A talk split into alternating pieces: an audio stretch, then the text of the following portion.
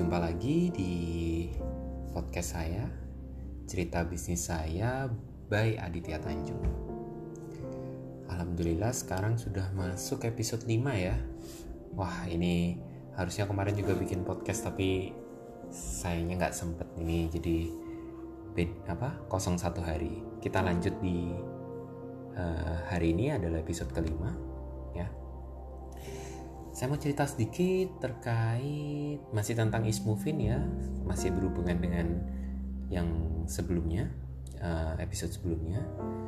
Jadi ada uh, beberapa pilar atau value penting ya, pilar penting, pilar value yang kami yakini dan kami tentukan ya di Ismovin ini. Yang pertama itu adalah pilar pertama adalah dari sisi lokal brand. Lokal brand di sini maksudnya adalah uh, saya udah cerita sedikit kemarin terkait uh, logo eh nama Ismovin itu artinya apa ya. Tapi lokal brand ini uh, apa kita sangat mau pengen memajukan kalau saya pribadi tuh ada obsesi ya dalam konteks positif ya itu adalah uh, harapannya orang-orang yang apa namanya yang bangga kalau misalkan harus pakai brand luar itu sudah sedikit demi sedikit uh, berkurang dan akhirnya bisa bangga memakai uh, brand dari lokal atau dari Indonesia sendiri. Tidak mudah ya uh, tapi bagi saya bermimpi itu boleh dan bagi saya uh, Ismovin moga-moga bisa menjadi pilihan sesuai dengan kebutuhan segmen market kami ya yang mungkin awalnya uh, mereka beli branded atau wajib brand branded gitu ya. Branded ini maksudnya adalah konteks dari brand brand-brand import ya. Brand-brand import dan bisa mulai sedikit demi sedikit mengkonsumsinya adalah atau menggantikan dengan brand-brand lokal yang uh, di konteks ini adalah is moving. Itu adalah uh, pilar pertama. Jadi kami ingin atau doanya itu bisa seperti itu sehingga uh, konsumsinya konsumsi lokal ya kita produksinya dari dalam dibeli sama orang Indonesia juga gitu. Jadi perputarannya perputaran uangnya adalah lingkupnya hanya di Indonesia saja. Itu yang pertama pilar kedua uh, value-nya itu adalah lokal material atau material uh, dari dalam negeri. Jadi uh, alhamdulillah hampir semua material yang kita gunakan itu adalah produksi uh, dalam negeri. Ya. Yang pertama adalah kanvas. Kanvas itu uh, saya ambil pabrik dari Indonesia lokal, bukan import ya harganya mungkin lebih mahal dibandingkan impor tapi uh, saya bangga kalau misalkan saya menggunakan atau kami menggunakan bahan dari lokal karena itu adalah value dari uh, Ismovin sendiri. Oke yang pertama dari sisi kanvas terus yang kedua adalah uh, dari sisi kulit. Nah untuk material kulit ini memang menarik ya untuk dibahas. Saya mau share sedikit mengenai kulit. Jadi dulu waktu kuliah saya itu pernah kunjungan ke salah satu pabrik saya sebut namanya Eko. Ya pabrik Eko ini ada di sidoarjo. Uh, saya ingat banget uh, pada waktu kunjungan ke sana untuk belajar konteksnya adalah belajar penerapan teknologi ya atau IT di sana. Tetapi uh, waktu berbicara dengan narasumber yang ada di Eko uh, beliaunya bilang loh mas salah satu uh, kulit sapi terbaik di dunia itu adalah di Indonesia. Makanya Eko itu adalah perusahaan uh, dari luar negeri ya, itu sampai buka pabriknya di sidoarjo. Kenapa? Karena mendekati uh, bahan baku. Nah, dan saya ingat banget ya pada waktu saya di sana itu ini uh, dari narasumbernya bilang lah lawong apa namanya LV aja mas. Itu ngesapkon produksi kulitnya sampai emboss tulisan LV-nya itu ya. Itu di kita pakai kulitnya kulit sapi Indonesia. Gitu. Saya nggak ngerti apakah semua produk kulitnya LV semuanya pakai uh, sapi Jawa ya tapi yang disampaikan waktu itu seperti itu nah jadi bisa dibayangkan nih sebenarnya lokal material dari sisi kulit sapi di Indonesia itu sudah teruji sangat bagus sampai akhirnya perusahaan luar negeri buka di sini untuk memproses kulitnya. Kira-kira seperti itu. Nah, mungkin ini bisa jadi informasi juga. Uh, harusnya kita bangga kalau misalkan pakai uh, produk ya yang ada kulit uh, Indonesia atau lokal sapi Jawa ya karena itu isunya seperti yang saya sampaikan tadi. Oke, kita lanjut ke uh, biasanya yang kita gunakan lagi adalah resleting ya. Resleting itu standarnya kita akan menggunakan YKK itu adalah standar kayaknya seluruh brand mau brand super gede juga uh, kayaknya pakainya YKK semua karena memang market leader ya untuk di bidang resleting. Nah, uh, saya tidak tahu apakah YKK ini konteksnya import atau bagaimana, tapi yang pasti saya tahu YKK Resleting ini ada di pabriknya di Jakarta. Asumsi saya harusnya bukan packaging aja, tapi dia produk produksinya ada dari di sana juga. Gitu. Jadi saya asumsikan dia biarpun mungkin brand luar ya, tetapi produksinya di Indonesia. Uh, saya asumsikan itu sebagai lokal material. Harapannya adalah uh, apa namanya?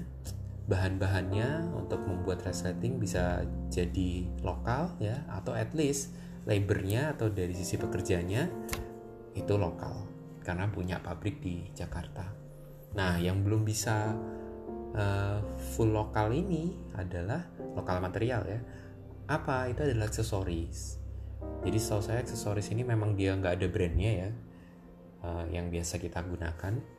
dia tidak ada brandnya dan posisinya uh, kayaknya import import langsung dari Cina seperti itu.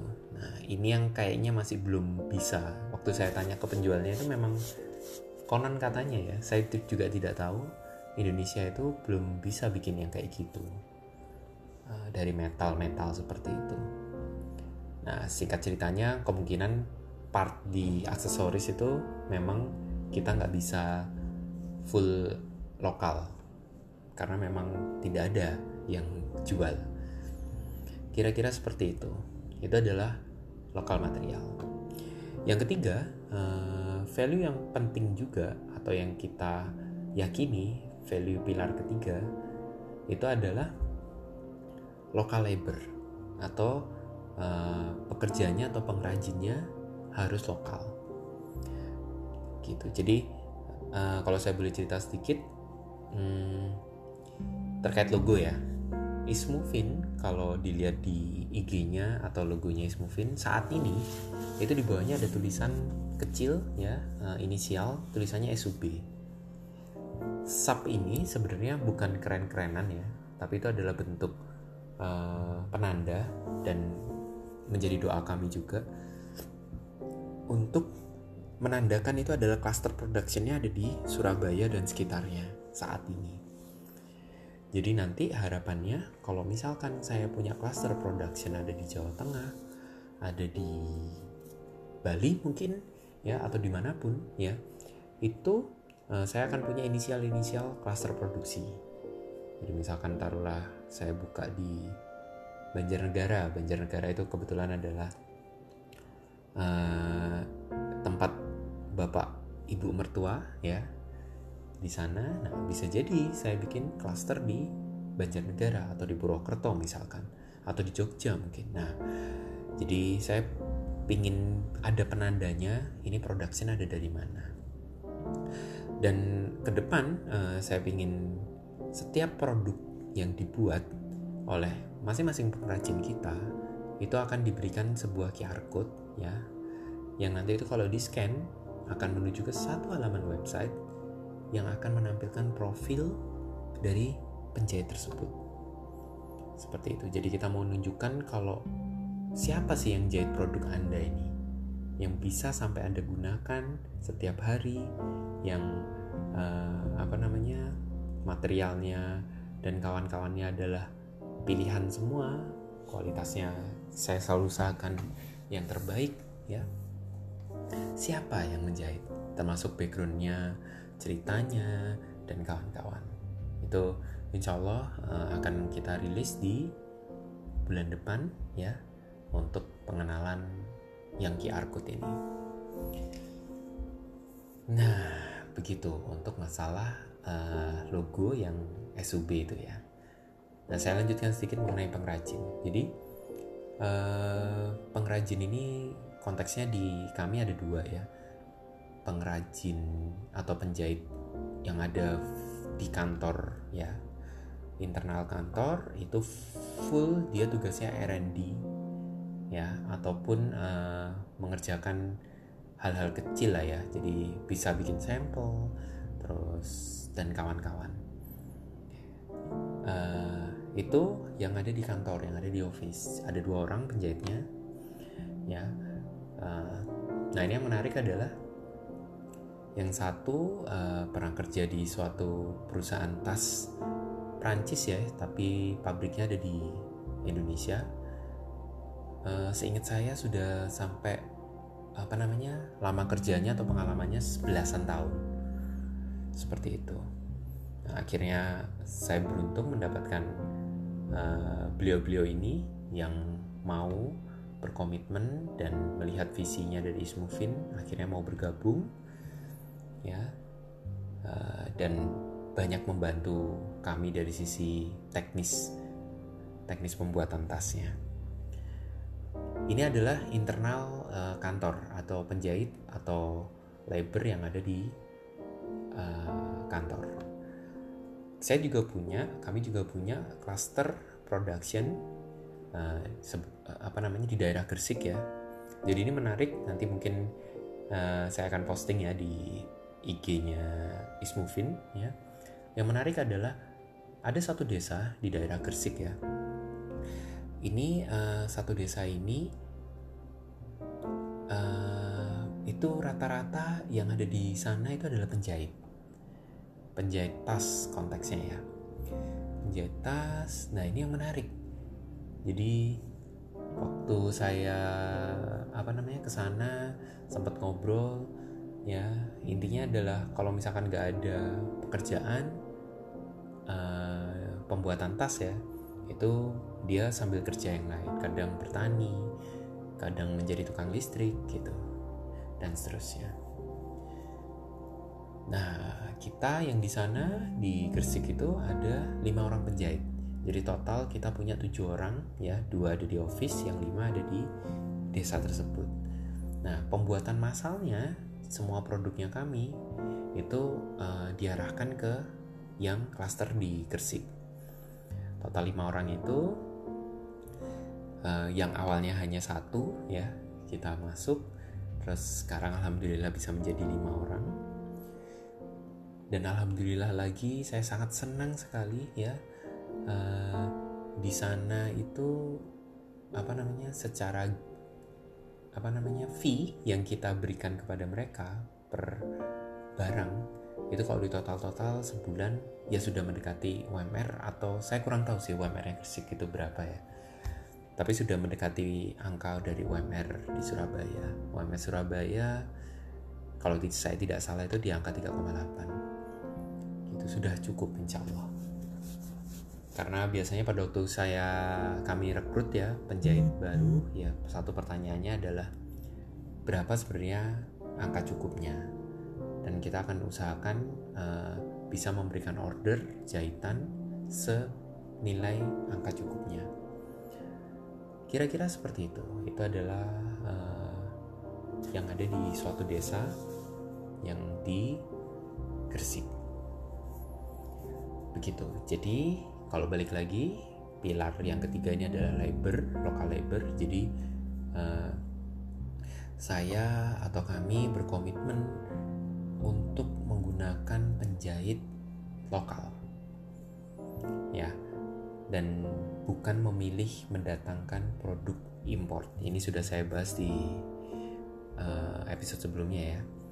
Bukan mendatangkan produk import karena bagi saya, bagi kami ya dengan menggunakan uh, pengrajin lokal maka mau tidak mau perputarannya atau gajinya kita berikan kepada mereka untuk mereka belanjakan ke lokal juga harusnya. Nah dari situ perputaran ekonomi uh, moga-moga bisa uh, berjalan dengan baik. Paling tidak Ismufin berkontribusi di sana, biarpun mungkin kontribusinya sangat kecil ya dibandingkan uh, satu kota misalkan atau bandingin satu provinsi ataupun satu negara persentasenya sangat-sangat kecil. Tapi saya selalu percaya semua itu selalu dimulai dari kecil. Sehingga nanti bisa lebih besar, bisa memberikan manfaat lebih kepada uh, tim kami dan juga manfaat kepada konsumen kami.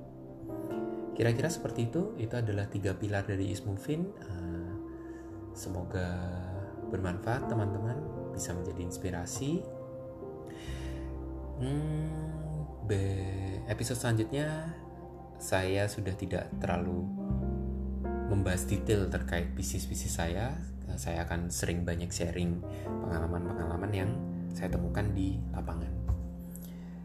Kira-kira seperti itu. Terima kasih atas waktunya. Sekali lagi semoga manfaat. Mohon maaf juga kalau misalkan ada salah-salah kata. Saya cukupkan uh, saja ya. Terima kasih sekali lagi. Wassalamualaikum warahmatullahi wabarakatuh.